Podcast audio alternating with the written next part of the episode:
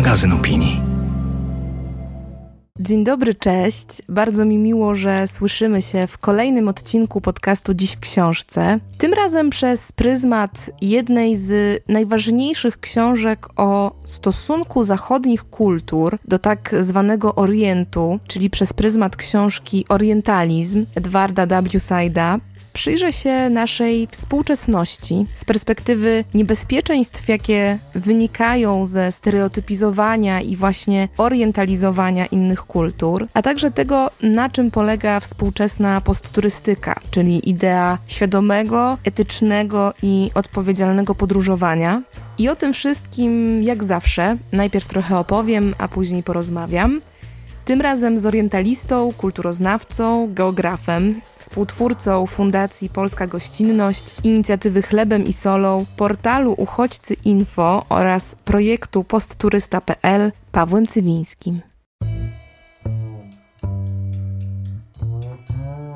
Dziś w książce to podcast o lekturach, które najtrafniej tłumaczą współczesny świat. Co miesiąc opowiadam i rozmawiam z gośćmi o literaturze, która posłuży nam za pretekst i soczewkę do przyglądania się teraźniejszości.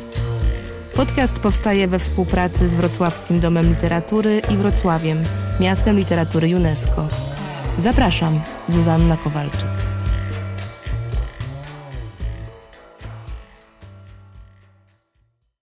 Temat etycznego podróżowania i relacji międzykulturowych wybrałam na czerwiec oczywiście nie bez powodu. No bo nawet jeśli w trochę innej formie niż do tej pory, to jednak zaczyna się czas wyjazdów. W nieco innej formie, bo podróżowanie oczywiście mocno przeobraziła pandemia, ale jednocześnie to właśnie pandemia pokazała, jak wiele miejsc na świecie jest od turystyki zależnych, jak głęboko podróżowanie jest wdrukowane w nasze dzisiejsze społeczne i prywatne funkcjonowanie. Do tego to przecież pandemia, a dokładniej jej skala, jest poniekąd wynikiem właśnie współczesnego globalizmu i intensywności tego dzisiejszego przepływu ludzi pomiędzy krajami. I do tego wszystkiego w tle mamy nie tylko coraz większą dostępność podróży i przez to tym pilniejszą konieczność refleksji nad tym, co to znaczy podróżować etycznie i odpowiedzialnie, zarówno w kontekście dobrostanu miejsc i społeczności, do których podróżujemy, ale też choćby odpowiedzialności ekologicznej, w kontekście czego dobrą kampanię edukacyjną prowadzi choćby Fundacja WWF Polska, mając na celu uwrażliwianie turystów na ich ślad podróży w środowisku. I to nie koniec. Mamy też przecież kryzys uchodźczy, zarówno ten już obecny, jak i prognozowany, pogłębiony. Mam tu oczywiście na myśli perspektywę wzmożenia migracji z powodu konfliktów zbrojnych, ale też między innymi zmian klimatu. Więc mamy równolegle bardzo istotny czynnik w tym temacie, kontekście podróży i współistnienia różnych kultur, jakim jest debata o współczesnej asymilacji, o formach dobrego współbycia przedstawicieli różnych kultur, o konieczności budowania przestrzeni inkluzywności, tolerancji, równości przy jednoczesnej próbie pogodzenia kiedy bardzo różnych doświadczeń, zwyczajów i poglądów. I tym samym myślę, że ten temat podróży, tego, co te podróże robią nam w głowie oraz temat relacji między kulturami jest nie tylko aktualny ze względu na porę roku, ale w ogóle moment w tym szerszym znaczeniu. Moment splotu kilku bardzo istotnych współczesnych wyzwań. Na początek proponuję więc zadanie sobie kilku pytań, na przykład na ile podróżując rzeczywiście jesteśmy nastawieni na poznawanie innej kultury, innych ludzi, a na ile jesteśmy skoncentrowani na realizowaniu własnych oczekiwań, na zobaczeniu określonych obrazków z podróżniczego bloga, na takim odhaczeniu punktów z listy, w którym to działaniu ta lokalna społeczność czy kultura mają być bardziej narzędziem, środkiem, a nie celem poznania. Skąd te oczekiwania w ogóle nam się biorą? To znaczy, co kształtuje nasze wyobrażenia o miejscach, do których jeździmy? I czy w ogóle zadajemy sobie pytanie, że ktoś je być może w bardzo konkretny sposób kształtuje? Czy mówiąc o poznawaniu jakiegoś miejsca, oczekujemy realnego poznania z różnymi trudami wpisanymi w naturę poznawania czegoś innego od nas? Czy raczej chcemy poznawać na własnych zasadach, sięgając po taką wersję zaaranżowaną pod nasze potrzeby? Do tego, w jakiej pozycji ustawia to podróżującego wobec miejsca i ludzi, do których podróżuje. Innymi słowy, pomyślmy, jak bardzo nasze, i mówiąc nasze, mam na myśli europejskie oraz zachodnie w tym szerszym znaczeniu, jak nasze myślenie o świecie, które uznajemy za neutralne, jest w praktyce myśleniem absolutnie nieneutralnym, bo zbudowanym na bardzo jasno określonych wartościach, budowanym z bardzo konkretnej perspektywy, ustanawiającym bardzo konkretną relację władzy.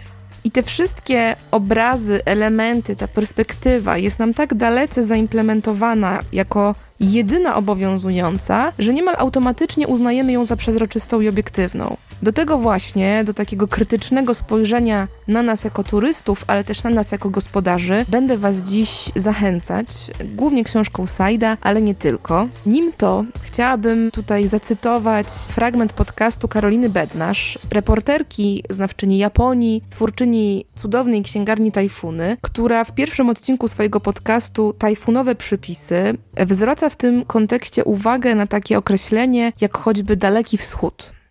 Daleki Wschód jest na wschodzie tylko wtedy, gdy patrzymy z naszej, europocentrycznej perspektywy. Ale centrum świata wcale nie tkwi w Europie, więc i my nie mamy prawa stawiać się siłą w jego centrum. Daleki ma sens tylko wtedy, gdy faktycznie mamy do danego miejsca daleko, ale mieszkańcy Sachalinu, Filipin, Wietnamu czy Tajwanu wcale do Japonii i innych miejsc określanych mianem Dalekiego Wschodu nie mają daleko. Ba, nawet nim są. Daleko ma także drugie znaczenie, nacechowane o wiele bardziej emocjonalnie. Daleki to niezrozumiały, a wręcz nie dający się zrozumieć.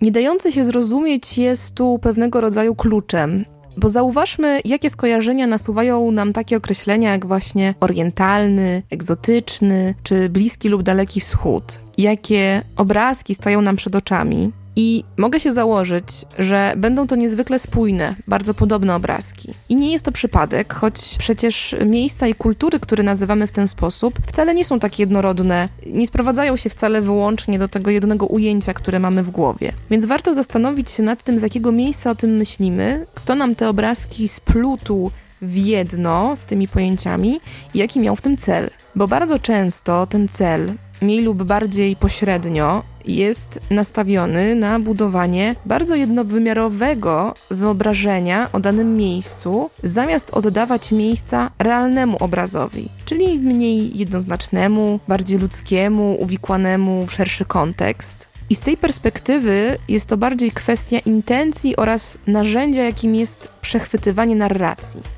Marysia Złonkiewicz, współzałożycielka portalów Uchodźcy Info oraz postturysta.pl, w ramach swojego TED Talka mówiła o tym tak.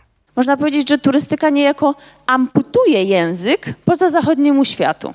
Co więcej, te sposoby mówienia o inności sięgają swoimi korzeniami 100 czy nawet 200 lat wstecz, aż do czasów kolonialnych, kiedy wiedza o świecie była tworzona po to, jak to mówił Edward Said, żeby służyć imperium.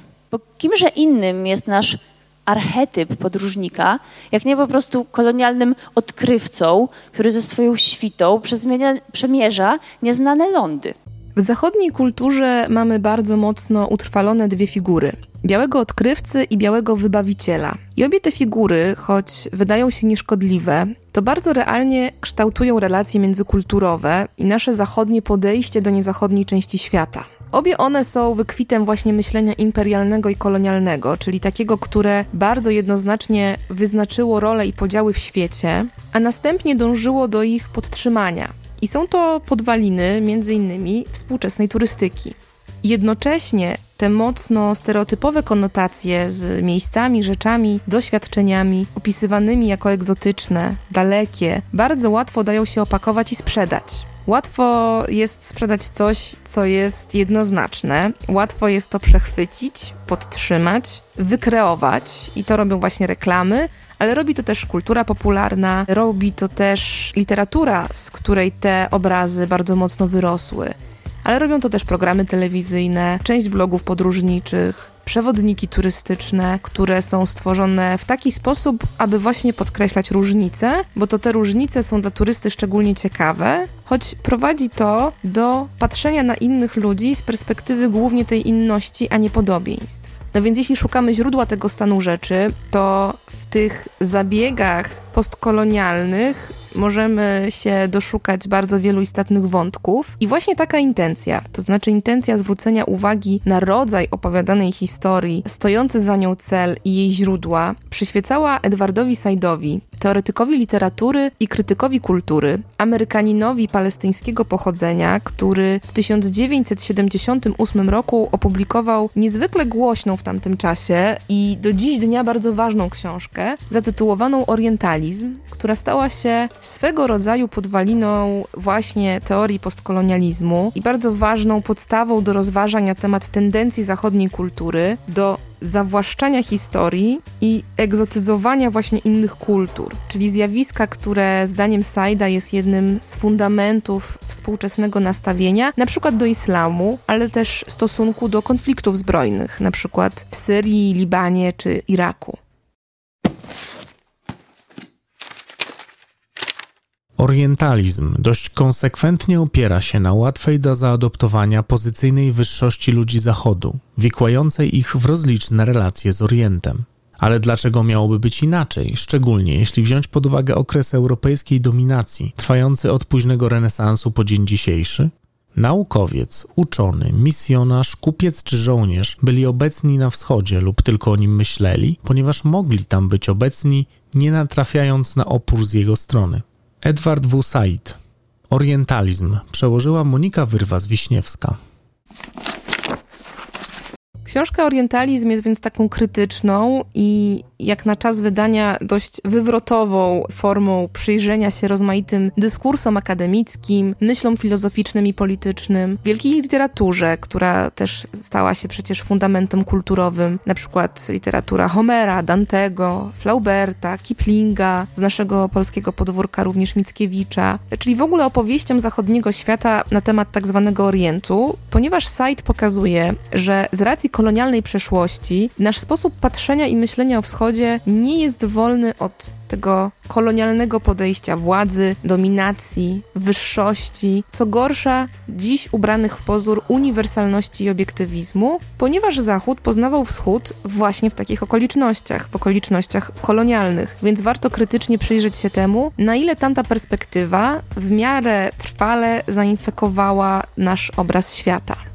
Said jako jeden z pierwszych przekonywał, że zachodnia postawa wobec wschodu ma wymiar wręcz ideologiczny, że ten imperialny, postkolonialny orientalizm, który opiera się na bardzo stereotypowych wyobrażeniach, jest takim filtrem, przez który Zachód patrzy na odmienność kulturową i ten filtr bardzo mocno wypacza rzeczywistość, bo ukazuje bardzo uproszczony, zakłamany, jednobarwny i taki nieporadny wobec inności obraz, który przełożył się w historii nie tylko na to poczucie, że inne kultury nie przystają do naszej, a nasza jest jakimś obiektywnym punktem odniesienia, ale też nierzadko przełożył się na podjudzanie poczucia wrogości. I w tych opowieściach, jak dowodzi Said, człowiek Orientu, człowiek Wschodu jest zazwyczaj takim odkrywanym obiektem, czymś poznawanym przez człowieka Zachodu, jakimś takim kuriozum, dziwakiem, kimś może trochę niebezpiecznym, nierzadko tajemniczym, ale nie jest równoprawnym podmiotem, którego ktoś rzeczywiście chciał poznać, zrozumieć na równych zasadach.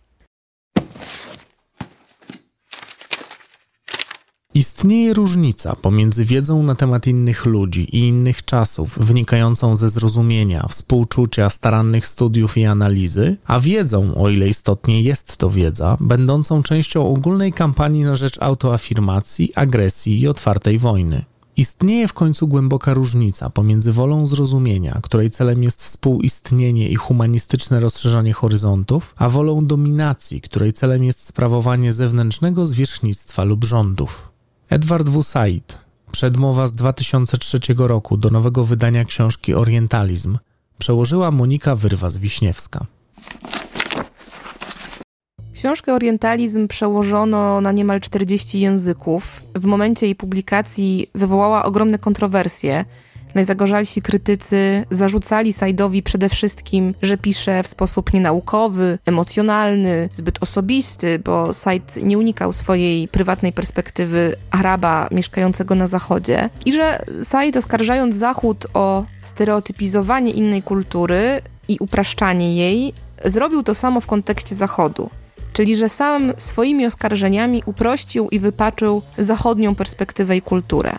Ale Said nie jest autorem, który byłby zdyskredytowany. Pojawiało się też wiele głosów popierających jego tezy, a później rozwijających jego myśl. Ta książka jest w ogóle taką podstawą do wszelkich późniejszych dyskusji o źródłach rasizmu, wykluczenia, współczesnej ksenofobii, ale też właśnie współczesnych konfliktów zbrojnych, czy kształtu nowoczesnego terroryzmu jako swego rodzaju odpowiedzi na uciśnienie. I jest to książka ważna w tym sensie dla zrozumienia współczesnej debaty wokół właśnie orientalizującej i zakłamującej obraz turystyki, która nierzadko staje się podtrzymaniem tych banalnych narracji, z czego najczęściej zupełnie my, zwykli turyści, nie zdajemy sobie sprawy, choć bierzemy w tym czynny udział. Więc w jakimś sensie książka Orientalizm jest też takim kluczem do zrozumienia naszej własnej kultury, naszej pozycji w świecie. Czegoś, co właśnie długo pozostawało przykryte takim pozorem neutralności, a dziś uczymy się patrzeć z nieco innej, bardziej zdywersyfikowanej perspektywy. Dzięki Orientowi została zdefiniowana Europa, a dokładniej Zachód, jako przeciwwaga jego wizerunku, idei, osobowości, doświadczenia. Ale ten Orient nie jest wyłącznie wyobrażeniem. Jest również integralną, materialną częścią kultury i cywilizacji Europy. Twierdzę, że bez przestudiowania orientalizmu jako dyskursu nie można zrozumieć tej niezwykłej konsekwencji, z jaką kultura europejska potrafiła ujarzmić, a nawet stworzyć Orient politycznie, socjologicznie, wojskowo, ideologicznie, naukowo i kreacyjnie. Edward W. Said, Orientalizm, przełożyła Monika Wyrwas-Wiśniewska.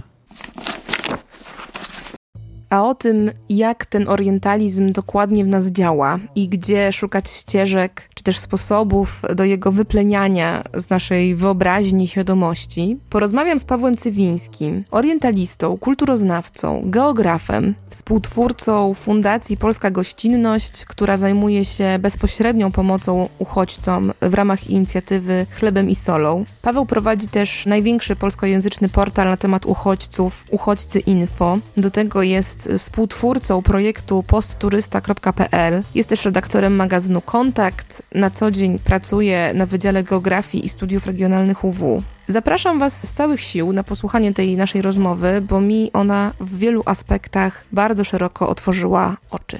Posłuchajcie.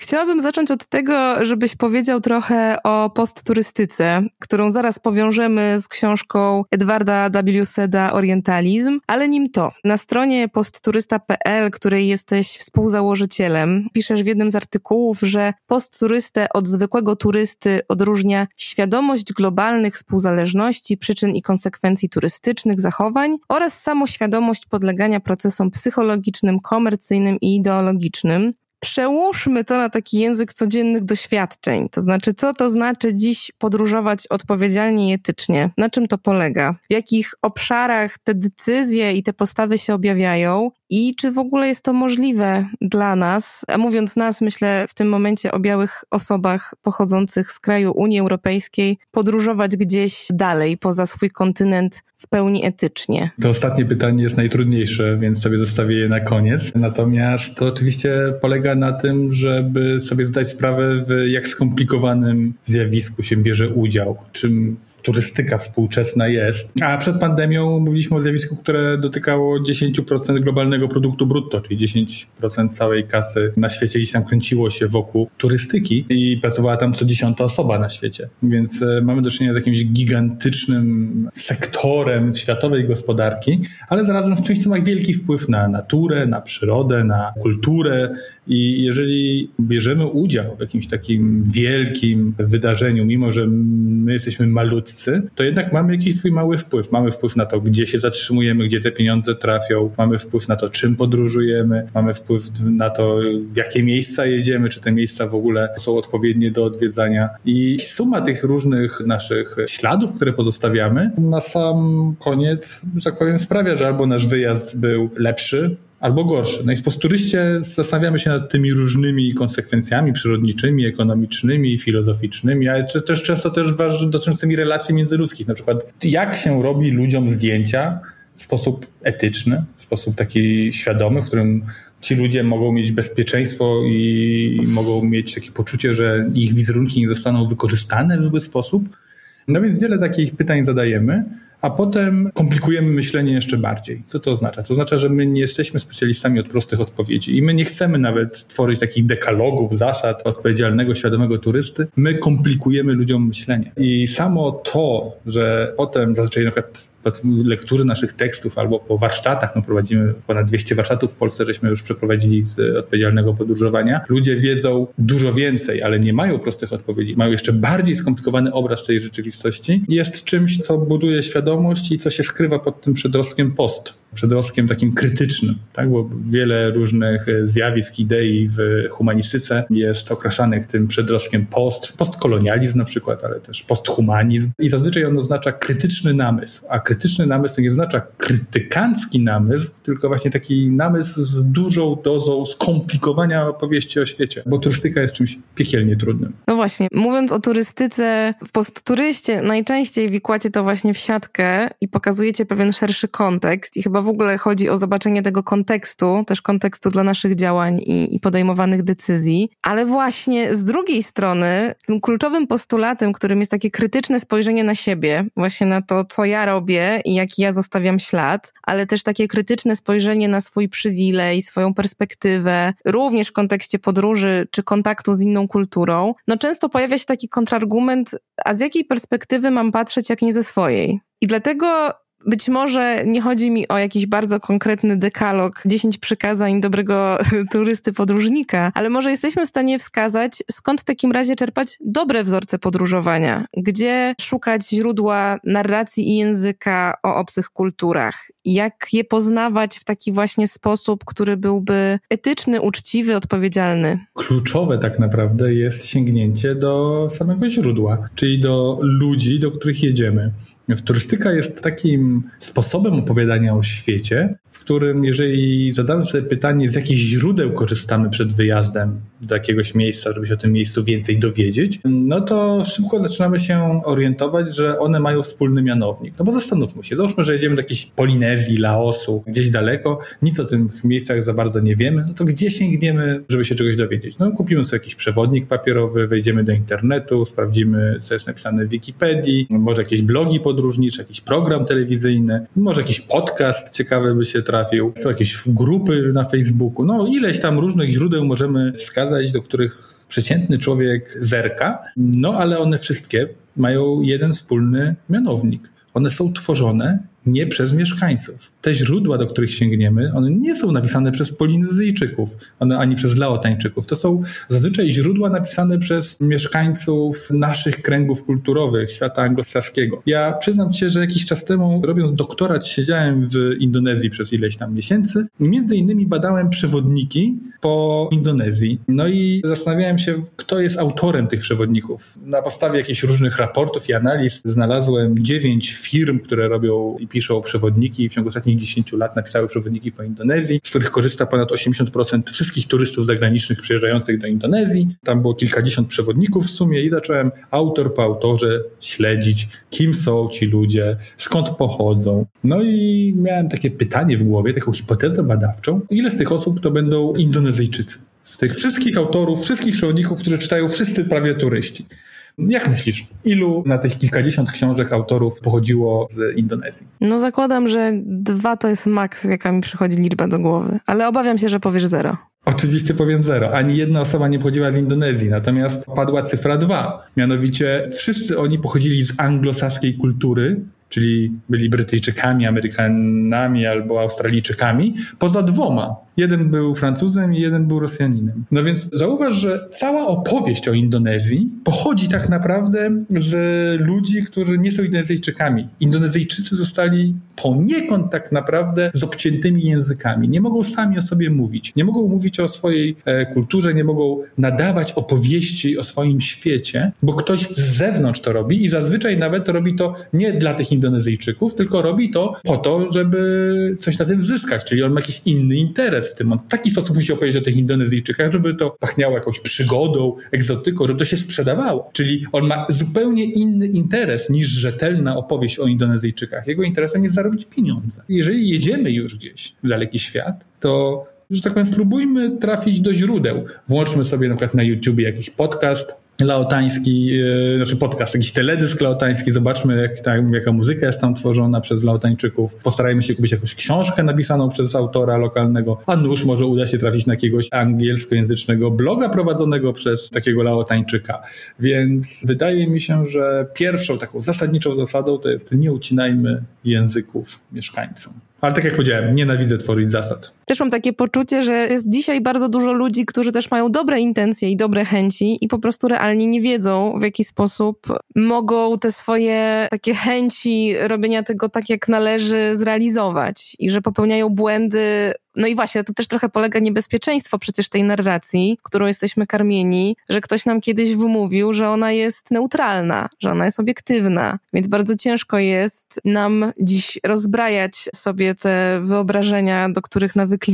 Opowiem taką anegdotkę z naszej pracy. Ja poza różnymi rzeczami jestem prezesem fundacji, która prowadzi takie projekty i między innymi jeden z tych projektów jest Chlebem i Solą, która polega na pomocy uchodźcom. No i ta pomoc dotyczy głównie małych dzieci, uchodźczych, uczniów różnych szkół i mamy stu kilkudziesięciu wolontariuszy, którzy pomagają tym uchodźcom, spotykają się z nimi dwa razy w tygodniu i przygotowują ich na różne zajęcia, pomagają im zaliczyć rok i tak dalej. No i wyobraź sobie, jak straszny dylemat mają, jak straszny kłopot mają ci, którzy pracują z małymi uchodźcami z Afryki, kiedy omawia się na języku polskim w pustyni i w puszczy Henryka Sienkiewicza. Jak opowiedzieć takiemu, nie wiem, komuś z Kongo, czy z Egiptu, czy skądś, o czym jest ta książka, jakie ona opisuje przygody, dlaczego opisuje w ten sposób, bo de facto to jest strasznie obraźliwa książka dla wielu z tych ludzi, wręcz z takimi rasowymi podtekstami. I to jest oczywiście bardzo trudne, to się pracuje razem z nauczycielami tych dzieci i my umiemy gdzieś tam opowiedzieć o tym i w taki sposób pokazać ten kontekst, ale to dotyczy kilku osób tak naprawdę, a całe reszty, tysiące szkół w kraju omawia tą książkę, tak jak powiedziałaś, jako pewnego rodzaju normę, jako rzeczywistość, jako niemalże historyczny obraz świata. Jakby zapominamy o tym, że Henryk Sienkiewicz był spóźnionym tak naprawdę entuzjastą wiktoriańskiego imperium, bo takie książki, jak on pisał, akurat tą kolonialną powieść, no to pisano 30 lat wcześniej w Wielkiej Brytanii. To nie jest książka, która była jakaś e, nowatorska jak na swoje czasy. Wtedy bardziej nowatorski już był Joseph Conrad, który opisywał jądro ciemności i raczej nosił taki dyskurs antykolonialny w jakimś no, dosyć dużym stopniu. Ale my do dzisiaj jesteśmy tak naprawdę ofiarami myślenia o Afryce oczyma Sienkiewicza, dlatego że każdy z nas tej czwartej, piątej czy szóstej klasie szkoły podstawowej gdzieś zetknął się z tym. To było prawdopodobnie pierwsze nasze poważne spotkanie z Afryką, bo stał za tym autorytet nauczyciela, stał za tym autorytet noblisty polskiego, to wszystko dzieciakom tak naprawdę konstruuje tą wyobraźnię na temat świata. I ja tutaj nie mówię, że należy tą książkę wywalić teraz z kanonu lektur. Ja po prostu uważam, że należy tą książkę czytać odpowiedzialnie, to znaczy, że trzeba ją przesunąć z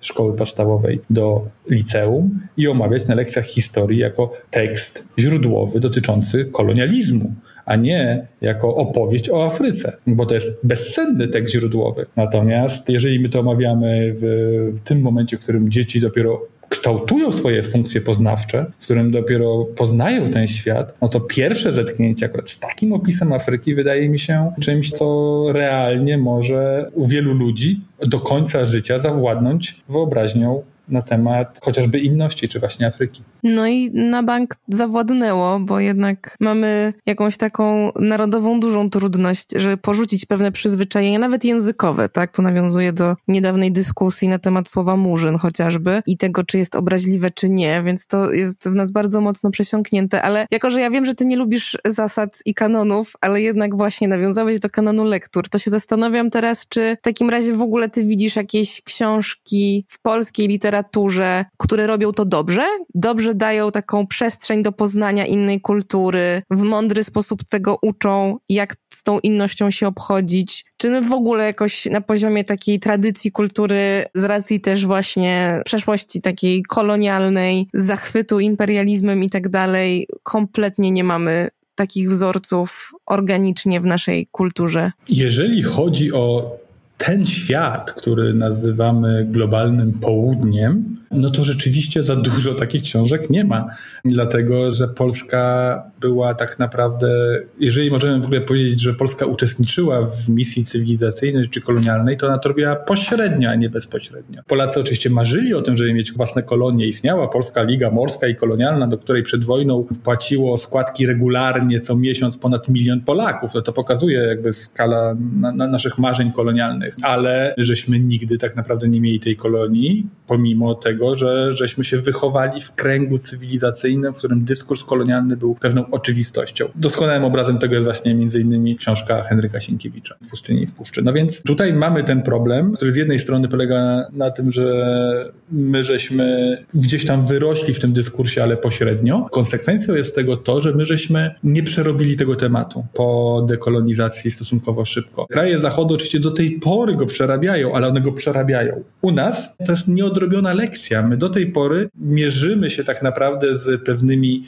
stereotypami, z pewnymi kalkami myślowymi, które powstały w świecie kolonialnym i do tej pory tam drzemią. Więc nie wiem, czy mamy dobre literatury akurat na takim poziomie globalnym. Oczywiście, kiedy mówimy o inności na takim bardziej naszym lokalnym poletku, czyli na przykład tematyce polsko-żydowskiej, no to tutaj mamy cały zestaw wspaniałych lektur. Jeżeli mówimy o tym na poziomie naszych relacji z takim kolonialnym terminem kresy, to również mamy ileś dobrych pozycji, które tłumaczą zawiłości tożsamościowe na danych etapach historii, które miały miejsce na wschód od Bugu.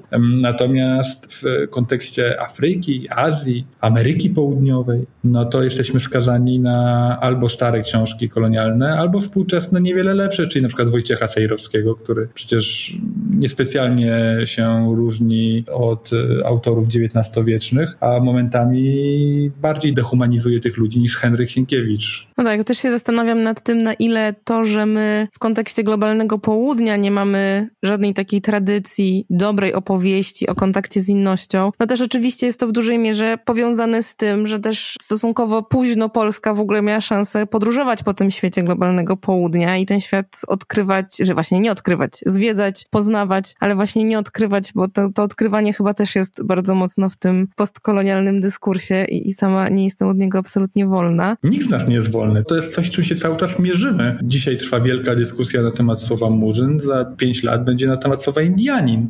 Dzisiaj rozmawiamy o orientalizacji. Równie dobrze możemy za chwileczkę rozmawiać o egzotyzacji. Język jest e, tworem bardzo plastycznym, który cały czas się zmienia i który cały czas nabiera nowego kontekstu, nowych różnych znaczeń. No więc musimy umieć tak naprawdę odnajdywać swój język i swoje wokabularze w kontekście czasów, w których żyjemy, ale też nie możemy tutaj popełniać jakichś błędów fahistoryzacji czy innych tego typu rzeczy. No więc jeżeli słownictwo słownictwo takie było używane w XIX wieku, no to nie udawajmy, że ono nie było używane w XIX wieku. I rozpoznajmy źródła, czemu służyło w tym XIX wieku. Dokładnie i dlatego Sienkiewicz powinien być omawiany w liceum na lekcjach historii, a nie w podstawówce na lekcjach polskiego. No właśnie, bo to już skręciłeś w stronę orientalizmu, więc idźmy w to. Czytałam twój tekst, Edward Set czyta Lonely Planet, który mi bardzo zgrabnie właśnie połączył tą współczesną turystykę, która nie jest de facto takim głównym tematem SEDA, bo SED się też w dużej mierze koncentruje na konfliktach zbrojnych, na islamie, na naszym stosunku do kultury wschodniej w tym takim bardziej polityczno-społecznym kontekście. A ty właśnie powiązałeś to z wielkim przemysłem przewodników Lonely Planet i z tym, że ten orientalizm, o którym pisze SED, jest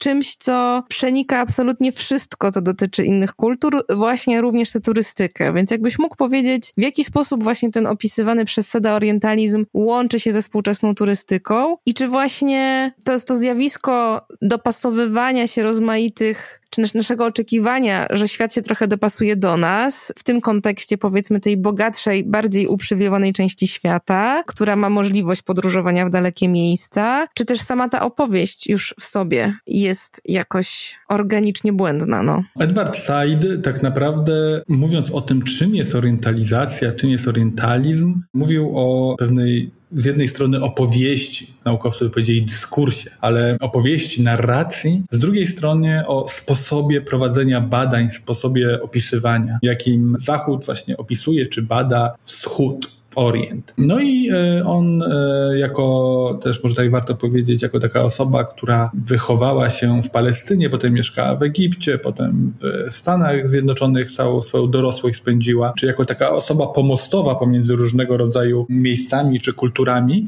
ale również językami, miała łatwość wglądu zarówno w to, co się działo po jednej stronie tej opowieści, czyli w wschodzie, jak i po zachodzie. No i on badając ten rodzaj opowieści, zauważył, że ta opowieść służy konstruowaniu opozycji ja, ty, my, oni, że opowieść o Oriencie jest zawsze opowieścią o właśnie o czymś takim diametralnie innym. No i ta opowieść ma pewne cechy, mianowicie to my jesteśmy normą, my jesteśmy tym światem, wobec którego inni powinni się odnosić, a ten Orient jest, a to czasem jest jakiś, nie wiem, bardziej chaotyczny, czasem jakiś bardziej mistyczny, czasem ma tam jakieś cechy erotyzacji, natomiast ogólnie to jest inny świat. No więc taki sposób opowiadania o Oriencie wzbudził u Saida bardzo mocne wątpliwości. No i zadał sobie słusznie bardzo wiele pytań. No i jednym z takich pytań, które zadawał swoim studentom na Columbia University, no to jest taki jeden z lepszych prywatnych uniwersytetów amerykańskich, wyspecjalizowany w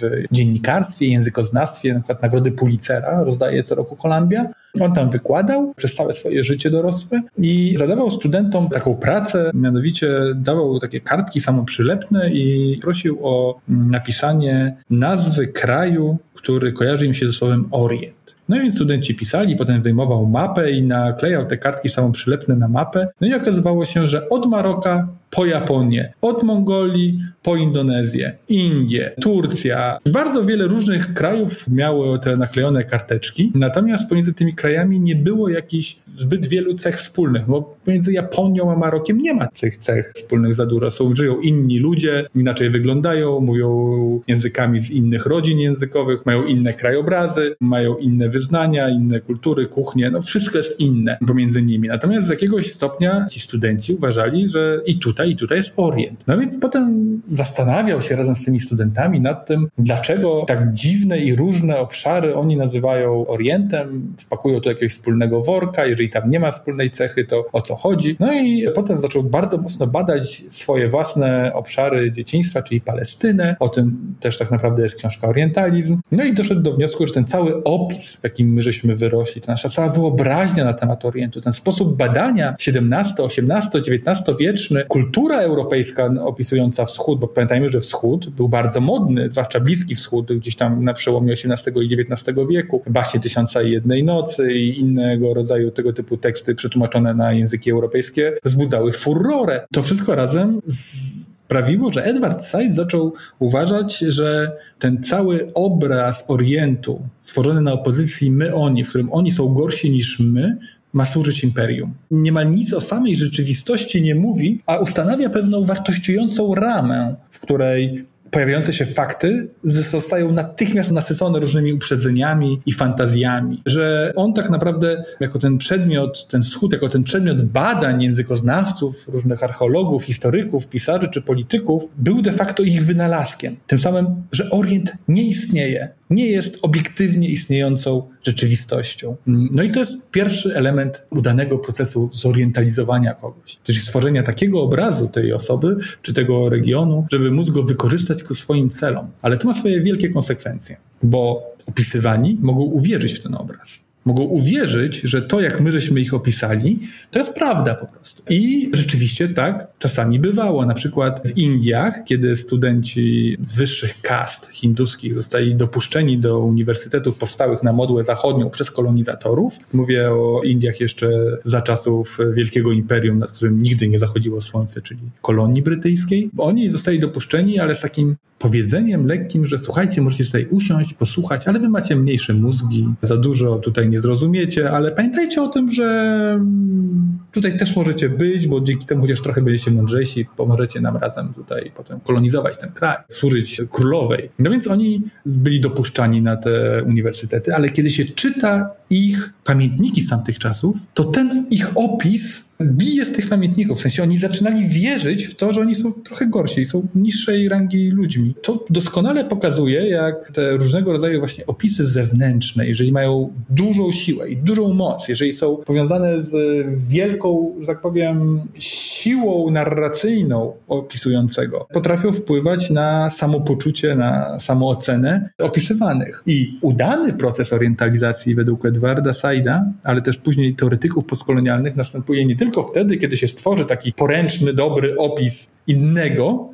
który służy moim interesom, ale wtedy również, kiedy ten opisywany w to uwierzy. Bez zwrócenia uwagi właśnie na to, że e, ludziom się obcina języki, a potem ci ludzie wierzą w cudzą opowieść o samym sobie, nie byłoby współczesnej teorii postkolonialnej, nie byłoby tej wielkiej wrażliwości na to, że istnieje więcej niż jedna historia, więcej niż jedna opowieść, że żyjemy w świecie wielu mikronarracji. Każda z tych mikronarracji ma rację bytu, ponieważ każdy człowiek ma rację bytu, a opowieść o człowieku i sam człowiek są nierozłączne. No to właśnie bardzo ciekawie powiedziałeś o tym, w jaki sposób książka Saida złożyła taki fundament pod późniejsze studia postkolonialne i jakkolwiek była takim fundamentem, to musimy pamiętać o tym, że jednak wyszła w 78 roku, więc aż 43 lata temu. Dlatego bardzo też mnie ciekawi, na ile coś w twojej ocenie od tamtego czasu się zmieniło. To tak trochę pewnie naiwnie szukam jakiejś nadziei, ale możesz mnie rozczarować oczywiście, jeśli tak w twojej opinii jest. I też myślę właśnie o takich obszarach trochę oddzielnych od turystyki, tak? Czyli właśnie o stosunku zachodniego świata do sytuacji na wschodzie z punktu widzenia polityki, filozofii, ale też tego, jak o nich, o tych miejscach i tych konfliktach piszą media. Mam na myśli w ostatnim czasie mieliśmy tak, zaostrzenie konfliktu izraelsko-palestyńskiego. Cały czas przecież mierzymy się z kryzysem uchodźczym, choć łatwo o tym zapomnieć, bo temat znika z pierwszych stron gazet, więc wydaje nam się, wielu z nas się wydaje, że temat się gdzieś rozpłynął w powietrzu. No otóż się nie rozpłynął, nadal jest obecny i nadal jest to temat do rozwiązania przez Europę. Do tego wszystkiego doszedł nam teraz kontekst pandemiczny. Jak tak patrzysz na te wszystkie rzeczy, które się dzieją tu i teraz, czy coś się realnie zmieniło od kiedy Said opisywał problem orientalizmu? Czyli czy nauczyliśmy się jakoś lepiej mówić i więcej widzieć w tym temacie obcych nam kultur? Czy też dalej ten tytułowy orientalizm jest u nas żywy i jest dominujący w tym naszym sposobie patrzenia i mówienia o świecie? Niewątpliwie, jeżeli chodzi o sam mechanizm działania tego zjawiska, no to niespecjalnie to się zmieniło. Natomiast treść Orientu, czyli to, co nazywamy Orientem albo innymi właśnie podobnymi zwrotami typu egzotyka, nabiera oczywiście różnego rodzaju charakteru w zależności od kontekstu historycznego. Kiedy Edward Said o tym pisał, no to wtedy mieliśmy taki czas, w którym już było pokolenie po dekolonizacji i to pokolenie zaczynało mieć coraz głośniej wyrażać tak naprawdę swoje pretensje wobec Zachodu, wpływów neokolonialnych na Bliski Wschód, czy Afrykę, czy Azję i razem z tymi pretensjami gdzieś tam wyrosła ta książka. Ona. To myślę, że to trzeba w tym kontekście oceniać. Potem mieliśmy tak naprawdę bardzo wielki powrót wszelkiego rodzaju dyskursu orientalizującego wraz z 11 września 2001 roku. To było dwa lata przed śmiercią Edwarda Saida i z gigantyczną amerykańską tak naprawdę opowieścią o sobie, o sobie jako ofierze, zresztą słusznej ofierze, ale również o naszych wrogach czy ich wrogach i tutaj również często mówiono właśnie takimi kliszami orientalizującymi o świecie muzułmańskim, świecie arabskim. Obecnie od czasów kryzysu migracyjnego, czyli 2000, czyli lato 2015 w Europie, do dzisiaj wraz z wzrostem konfliktów palestyńskich temat ten znowu się pojawia. I za każdym razem, tutaj dałem tylko trzy przykłady tego, kiedy wracały pewne orientalizujące klisze. Z jednej strony dochodziły trochę innego rodzaju interpretacje. Czasem mówiono właśnie o niebezpieczeństwie, czasem o innych zjawiskach związanych z życiem kulturowym. Natomiast sam mechanizm, czyli sięgnięcie do bardzo głęboko zakorzenionych w naszej wyobraźni klisz poprzez to, na jakich lekturach czy na jakich bajkach byliśmy wychowywani i jak potem kreowały naszą wyobraźnię różnego rodzaju faktów, których się dowiadywaliśmy, czy innego rodzaju zjawiska popkulturowe.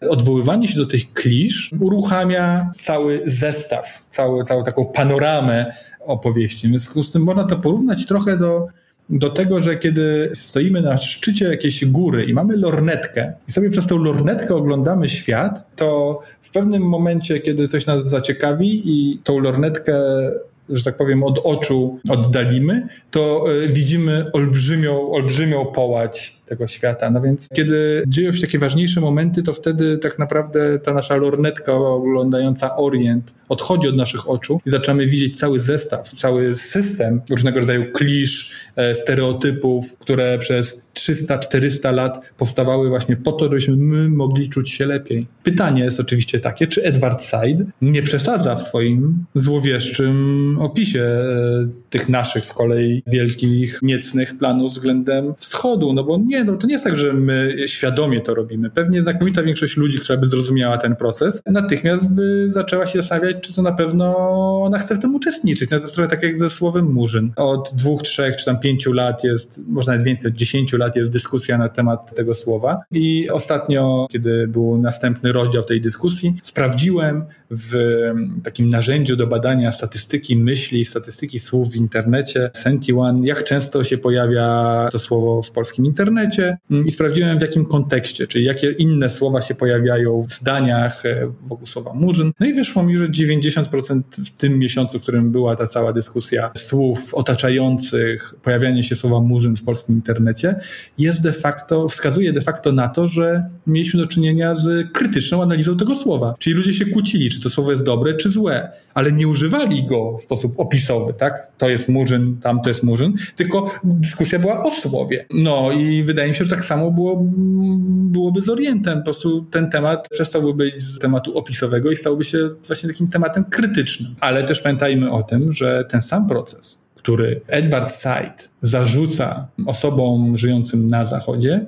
ma do czynienia w mniejszy lub większy stopniu stopniu z bardzo wieloma różnymi e, kulturami. To nie jest właściwość świata zachodniego wyłącznie, żeby sobie stereotypizować i tworzyć w miarę jednorodne i spójne opowieści na temat kogoś, kogo się nie lubi, albo kogo chce się podbić, albo kim się pogardza, mm, albo kogo się traktuje jako miły krajobraz swoich wakacji. Istnieje też taki termin jak okcydentalizm, czyli jak na przykład mieszkańcy Bliskiego Wschodu stereotypizują kulturę Zachodu. Kiedy się bada wszelkie tak naprawdę osie konfliktu długoletnie, no to na poziomie narracji języka opowieści, można wyłapać podobne mechanizmy, czy to między, nie wiem, Indonezyjczykami a Malezyjczykami, Tutsi a Hutu, albo Amerykanami a Meksykanami. Tam wszędzie tak naprawdę bardzo podobne zachodzą procesy, ale nie zmienia to kwestii, że opowieść o Oriencie, zachodnia opowieść o Oriencie jest opowieścią trwającą wiele set lat i będącą istotnym elementem kolonializmu czy kolonializmów zachodnich,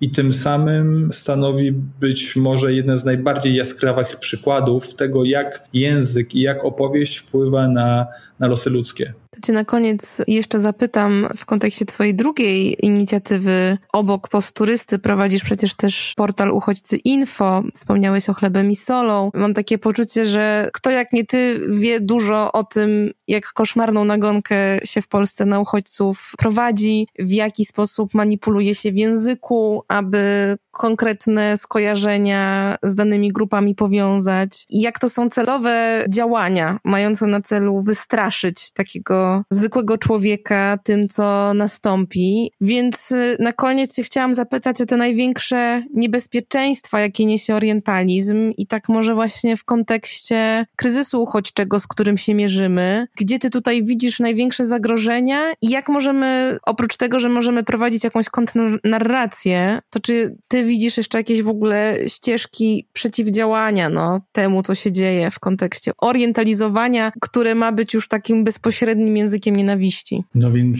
największe zagrożenia drzemią wtedy, kiedy mamy do czynienia z takim językiem, który zasłania nam człowieka. Kiedy nie widać tam drugiego człowieka, kiedy widać właśnie jakieś stereotypy, jakieś krzywe nosy, śniade skóry. Stereotypy te są tak naprawdę zawarte w języku, a to jak mówimy ma wpływ na to, jak myślimy, jakie podejmujemy decyzje. No i oczywiście te rodzaje stereotypów, rodzaje różnego rodzaju zabiegów językowych można sobie pogrupować. Na przykład takim zabiegiem może być egzotyzacja. Egzotyzacja polega na takim opisie świata i innego człowieka, który polega wyłącznie na podkreślaniu różnicy. Bo zauważ, że kiedy opisujemy jakąś inność, to w zasadzie możemy przyjąć dwie strategie. Pierwsza strategia polega na opisywaniu podobieństw. I to na przykład robią organizacje humanitarne, kiedy zbierają pieniądze na ofiary jakiegoś trzęsienia ziemi czy tsunami. Mówią, że to są tacy sami ludzie jak my i musimy im pomóc. Uruchamiają w ten sposób solidarność. Drugi rodzaj opisu inności jest poprzez podkreślanie różnic. No i to na przykład robi turystyka, bo nikt z nas nie chce jechać w takie miejsca, które są takie same jak nasz świat, czy podobne do naszego świata, więc im bardziej oni pokażą, że tam żyją kosmici, tym wzbudzą nasze większe zainteresowanie tym. Innym wielkim zabiegiem literackim jest na przykład archaizacja, czyli odbieranie jednoczesności opisywanym ludziom i nam. Oni żyją w innym świecie. Tam się czas dawno zatrzymał. Zatrzymanie tego czasu można zarówno poprzez właśnie opis tego, że tam jest tak czy inaczej i to wszystko jest takie zacofane i można nawet to pozytywnie opisywać, ale że tam po prostu nie ma tej jednoczesności między nimi a, a, a nami, ale można też poprzez użycia konkretnych słów. Na przykład można powiedzieć, że oni jedzą strawę. No, nikt z nas nie je strawy. Strawa to jest w Wiedźminie albo w średniowieczu. My jemy lunche, ale tam ci ludzie jedzą strawę na jakimś palenisku sobie, to w jakimś, nie wiem, wspólnym kotle gotują. No więc poprzez takie udziwnianie języka możemy stworzyć tą różnicę między my i oni na poziomie czasu. Innym na przykład e, metodą tworzenia tej opowieści jest esencjalizacja czyli zamykanie wspaniałych wielu różnorodności w jakiejś jednej cesze. Wszyscy Mursi, czyli taka grupa etniczna żyjąca na południu Etiopii, mają takie wspaniałe dyski w wargach. Albo Mongołowie są gościnni. No raz są, raz nie są, ale kiedy my ich wszystkich zamkniemy, wyjmiemy jakieś takie, taką esencję z tego i będziemy ich definiować poprzez tą esencję, no to de facto ich unifikujemy. Zabieramy im sprawstwo i jedno, jakby pewną unikalność i zamykamy je w jakimś stereotypie. I sami też byśmy nie chcieli być zamknięci w takim stereotypie. No, gdybym ci zadał pytanie, czy jesteśmy w stanie sobie wyobrazić jedną cechę, jacy są Polacy, tak? Dokończ zdanie. Polacy są, no to myślę, że mielibyśmy z tym duży kłopot, żeby to było prawdziwe i pewnie byśmy poszli w jakieś dowcipy, tak? Alkoholikami, kradną samochody i coś tam. No, natomiast te myśli, które nam przyszły od razu po to, żeby zakończyć to zdanie, pełnią funkcję właśnie obronną przed powiedzeniem, że tak się nie da, tak? Łatwiej jest nam wymyślić wymyśleć sobie jakiś dowcip i uruchomić poczucie humoru, niż podejść do tego w sposób prawdziwy i taki odpowiedzialny. A tymczasem bardzo łatwo jest nam właśnie stereotypizować innych. Chińczycy są chciwi, Amerykanie są grupi. No więc esencjalizacja jest takim następnym wielkim przykładem. No i takich różnego rodzaju zabiegów literackich można pewnie jeszcze kilkanaście wypisać. Tam nie wiem, europocentryzacja, europocentryzm, totalizacja, erotyzacja. Czym się między innymi zajmowali literaturoznawcy, czyli językoznawcy, tak jak Edward Said. I kiedy mówimy o orientalizacji, to mówimy o pewnym zbiorze tego typu cech, które na koniec właśnie tworzą tą różnicę pomiędzy ja i on. No i ten zbiór tak jak 200 lat temu istniał, tak istnieje dzisiaj. Tylko czasem treść się trochę zmienia. Ale potrzeba wykazania, że on jest gorszy ode mnie, że ja mogę mu nieść misję cywilizacyjną albo mogę go podbić, właśnie dlatego, że jest inny, czytaj trochę gorszy, jest jako mechanizm stale wpisana w świat opisywania drugiego człowieka. Co należy zrobić, żeby tego nie było? To jest bardzo trudne pytanie, bo nie znam na nie odpowiedzi tak naprawdę. Wydaje mi się, że nie da się tego zrobić, w sensie, że tożsamość ludzka jest tak skonstruowana, że potrzebuje on żeby opisać siebie. Kiedy byłem mały w przedszkolu, nie byłem świadomy tego, że moja skóra jest koloru białego, bo dookoła byli sami biali ludzie. Kiedy zacząłem podróżować, to się szybko zorientowałem, że posiadam białą skórę i że ona jest dla mnie czasem kapitałem, tak, mam kapitał białej skóry, a czasem jest jakąś zmorą. Natomiast my potrzebujemy tego kogoś i czasem sobie nawet jesteśmy w stanie stworzyć tego kogoś na poziomie opisu, tylko po to, żeby móc zrozumieć samego siebie albo stworzyć samego siebie w lepszym świetle. Im bardziej opisowo zgnoję, wyśmieję, z pogardą spojrzę na jakąś grupę społeczną, tym się ja będę lepiej czuł. No i to jest taki mechanizm w miarę uniwersalny, który dotyczy tak samo moich sąsiadów, jak i mieszkańców Papui i Nowej Gwinei. Musielibyśmy się po prostu czuć na tyle dobrze, że nie musielibyśmy się dowartościowywać zewnętrznie, ale to pewnie bardzo utopijne i życzeniowe myślenie. Chociaż utopie, mimo że są, jak sama nazwa wskazuje, niespełnialne, często wyznaczają bardzo dobre kierunki podążania, nawet jeżeli tego nie da osiągnąć, więc ja sobie życzę, żebyśmy oczywiście dążyli ku tej e, utopii ale jestem realistą i wiem, że ona prawdopodobnie nigdy nie nastąpi. Co nie znaczy, że nie należy właśnie w tą stronę iść, bo samo podążanie w stronę tej utopii, moim zdaniem, spowoduje, że będziemy widzieć drugiego człowieka, a nie zestawy stereotypów, które są nam poręczne. A to jest podstawa, wydaje mi się, bycia dobrym człowiekiem. Uf, nie skończyliśmy kompletną beznadzieją, smutkiem, marazmem, brakiem nadziei na cokolwiek. Dobra, udało się, jest jakieś światełko w tunelu. Dzięki wielkie Paweł za rozmowę.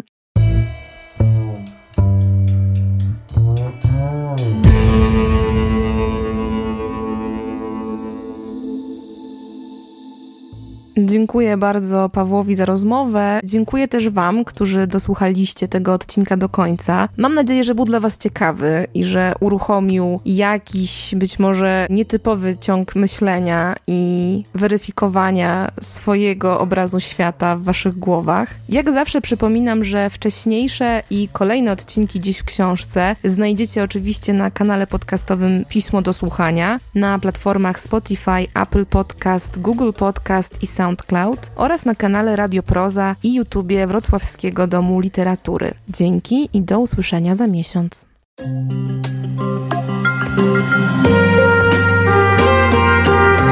Pismo. Magazyn opinii.